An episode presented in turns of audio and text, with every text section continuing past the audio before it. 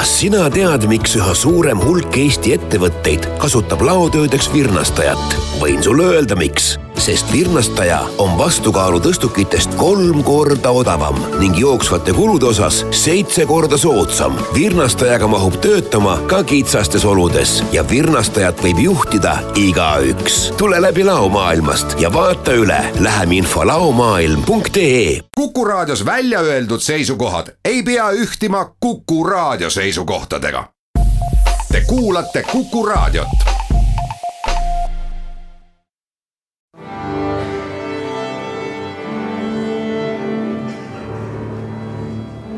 daamid ja härrad, Eesti Kontserdi saade.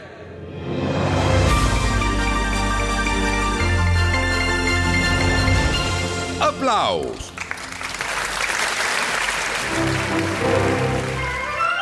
tere kõigile, Eesti Kontserdi saade Applaus suviste erisaadete viimane osa, mina olen Lauri Aav tegime jah, sel suvel otsuse oma saadetega mõnda aega jätkata, sest nii palju on ju seda, millest rääkida, suviseid muusikafestivale, seitsme linna muusika, Haapsalu Tšaikovski festival, In Horto Regis, Pärnu ooperipäevad, lisaks suvised suurprojektid Carmen Loves Jazz Viljandis ja Tönk Tartus.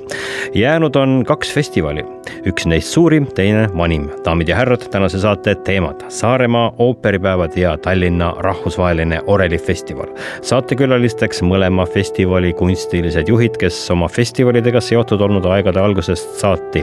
Aarne Mikk Saaremaa ooperipäevadega üheteistkümnendat korda ja Andres Uibo Tallinna orelifestivaliga kolmekümne teist korda. jah, kuulsite õigesti, kolmekümne teist korda. Aarne Mikk on esimene külaline. Saaremaa ooperipäevadel on sel suvel kohal kolm ooperiteatrit, kaks neist no üks neist väga kaugelt ja teine, teine kaugelt. see kolme ooperiteatri toomine ei ole tavapärane no see on suur erand suur risk ja suur rõõm omamoodi. sest et Budapestiga oli meil juba plaanid paigas ja loomulikult igal aastal me tahame midagi lastele pakkuda.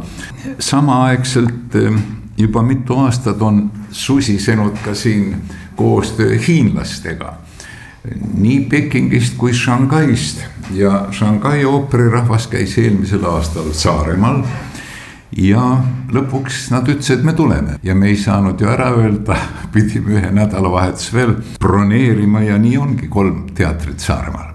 no ungarlaste kaasatoodava repertuaari ja, ja ka sellest, mida kulu, kujutab endast Ungari rahvusooper. selle koha pealt eh, ei ole kellelgi erilisi kahtlusi. kui me räägime Hiina ooperist, siis tuleb inimestele esimesena meelde Hiina traditsiooniline ooper, aga, aga see, mida Shanghai kaasa toob, on vist eh, siiski midagi muud. täpselt, Hiina traditsiooniline ooper muide on kaks korda Tallinnas olnud keegi ei mäleta, et esimest korda aastal tuhat üheksasada viiskümmend kuus, mul on see meeles Eesti dekaadiga seoses Moskvas toimunud. aga viimastel aastakümnetel kogu majanduse, kogu arhitektuuriga käsikäes on toimunud Hiinas ka meeletu püüe euroopaliku muusikakultuuri poole. ja kui Shanghai pool linna on kahekümne viie aastaga tehtud pilvelõhkujate linnaks siis samaaegselt on ka sinna pandud püsti kaasaegne ooperimaja. ja enne Shanghai'd, kui me käisime Pekingis ja vaatasime nendes suures munas muusikakeskuses Donizetti Rügemendi tütreetendust, mis oli tehtud väga kaasaegseks võtmes. noor tenor, kes selles ooperis peab oma aariast laulma üheksa kõrget tood ridamisi see lugu läks kordamisel ja ta pani teist korda veel need üheksa tood täpselt märki, nii et, et hiinlaste mm, ka klassikalise laulmine nagu harimine ja, ja ka edusammud rahvusvahelistel lavadel on märkimisväärsed, et ma arvan, et äh, vaevalt keegi meist Shanghai'sse hakkab sõitma selle ooperi pärast. et oleks tore tulla Saaremaale ja saada ikkagi konkreetselt aimu, mis toimub nii kauges riigis ja nii väga, väga fantastiliselt arenevas maas me kuidagi jätsime nüüd ungarlased äh, teenimatult varju, aga nemad on täitsa põnevate, põnevate lavastustega kohal. no Ungari ooper on Euroopas tuntud ooper ju, nagu ma mäletan, see avati aastal tuhat kaheksasada kaheksakümmend neli ja keiser Franz Josef oli isiklikult kohal ja nii, et selle teatri lavalt on üle käinud kõik maailma tuntud lauljad, ka Pavarotid ja Geurovid ja kõik teised oma parimates aastates. ja seetõttu on nagu klassikaline mm, repertuaar, ma arvan, et omamoodi kindla peale Mozarti Figaro pulm ja Verdi Traviata. Traviata võrdlemisi kaasaegses äh, lahenduses ja muidugi Straussi ooperid Mustlas parun seda vaadates tekkis algul natuke niisugune hämming, et nii vanamoodsalt teda tänapäeval lavastatakse, aga mõte oli selleks, et viia esietenduse aega. ja kui lõpuks siis kõik lisatšardassid sinna lavale pannakse, siis me saame ikkagi aru, mis ungarlaste ja Straussi temperamendi ühinemine võib meile pakkuda, nii Saaremaa ooperipäevad alustavad ülehomme alustuseks toimub Kuressaare lossi ooperimajas avamispidu ja pressikas, kus nagu ikka traditsiooniks kuulutatakse välja järgmise aasta külalisteater ja siis saame juttu rääkida ka järgmise aasta külalisteatri juhiga Eestis tuntud mehega. esmakordne saab aga olema see, et külalise ooperiteatri maailma esietendus saab toimuma Saaremaa ooperipäevadel ja sedagi põhjusega, sest lavastus on Eestimaaga väga tihedalt seotud. edaspidi jääb see lavastus siis loomulikult ka nende mängukavva ja siia panengi praegu punkti, sest rohkem enne neljapäeva rääkida ei ole lubatud ja selline on meie kokkulepe aga tänavuse aasta ooperipäevade juurde ülehomme õhtul on ka esimene etendus Shanghai ooperiteatrilt, siis esimeselt tänavuselt külaliselt ja selleks on Bizet Carmen. reedel samas Shanghai ooperiteatri tantsugala Mereunelm on selle pealkirjaks ja sellise nimetuse all on see väga sobilik esitamiseks nii Kuressaares kui ka Shanghais laupäevane ooperietendus on Vendingi riskantne mäng, Hiina kaasaegne ooper, mida edukalt mängitud varem nii Savonlinna ooperifestivalil kui ka läinud suvel Londonis. Ja muide, selle ooperi esietendus polnudki Hiinas, vaid kahe tuhande kolmandal aastal Genfis. Pühapäeval on kavas Tauno Antsi lasteooper googlemoogle.com Vanemuise teatrilt ja lavastajaks on mulluste Saaremaa ooperipäevade Rannapi Nurjatusaare mereröövli pealik Marko Matvere järgmisel nädalal on ooperipäevade külaliseks Ungari riigiooper, kõigepealt kolmapäeval Mozarti Figaro pulm ja muide, sinna on veel täitsa pileteid saada. neljapäeval on kavas Verdi Traviata ja reedel Straussi Mustlas parun originaalis ehk siis ungari keeles järgmisel laupäeval lõpetavad tänavused ooperipäevad Alexela ooperigala Ungari riigiooperilt, kus ka Shanghai solistid ja kes kõik muuhulgas laulavad katkendeid Evald Aava ooperist Vikerlased, Eesti esimesest ooperist, mille esietendusest möödub septembris üheksakümmend aastat. Sellised tulevad tänavused Saaremaa ooperipäevad pikemad, suuremad, uhkemad ja paraku ka kallimad kui kunagi varem. Ja mõistagi võiksime sellest kõigest veel palju pikemalt siin rääkida Tallinna rahvusvaheline orelifestival, Eesti vanim järjepidevalt tegutsev muusikafestival, Andres Uibo, mees, kes on orelifestivaliga seotud aegade algusest saati. no jaa, number on eelmisest sajandist. selles mõttes, et päris tugevalt eelmisest sajandist, eelmise sajandi kaheksakümnendatest ja, ja aastad lähevad ja, ja numbrid kasvavad suuremaks. mäletad sa algust?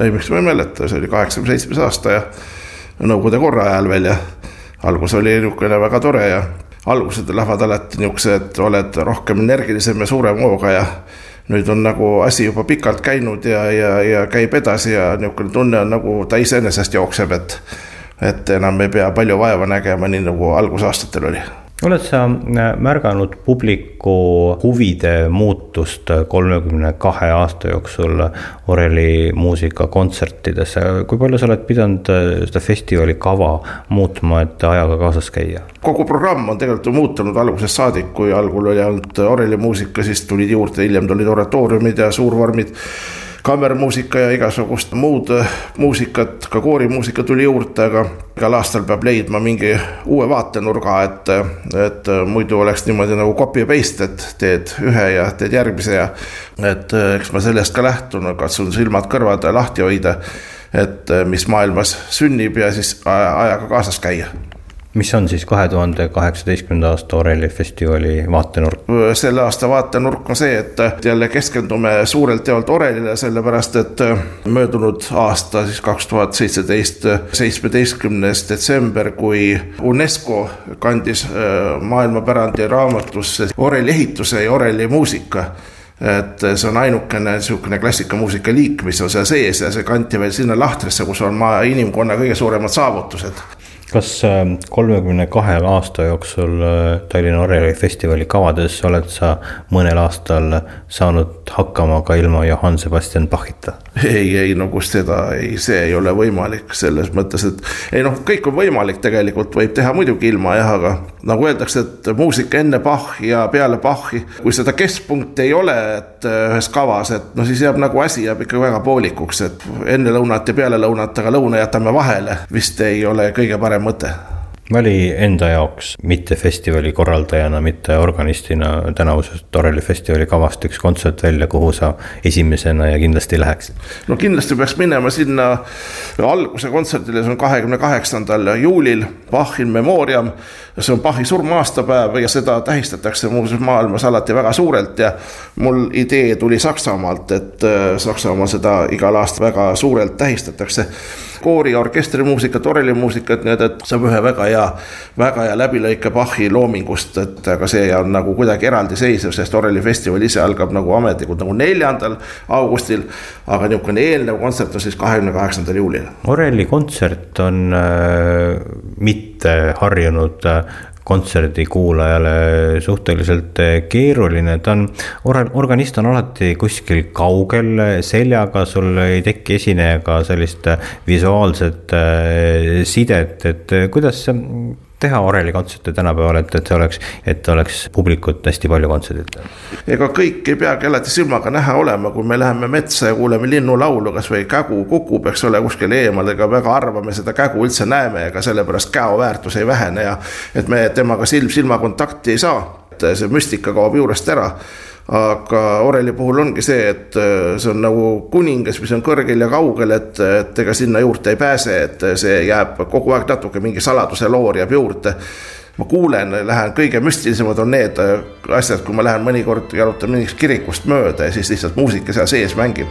et, et see on nagu minu jaoks kõige suurem, et siis tekib mingisugune niisugune ahah, et vot seal läbi seina, et seal on midagi, et sünnib midagi põnevat et ega see, mis sulle võetakse alati alasti, see kõige põnevam ei olegi. Oreli festival Tallinna kirikutes kahekümne kaheksandast juulist kaheteistkümnenda augustini ja see ei ole ainult Oreli muusika, festivalil on alati täieõiguslikud osalised olnud koorid ja orkestrid ning paljud ja paljud eripalgelised solistid ja nii ka seekord meie siirdume nüüd äsja mainitud festivale korraldama ja teeme tõepoolest saadetes pausi, et uuesti kohtuda septembris. seniks aga kaunist muusikasuve jätku teile kõigile, kõike paremat.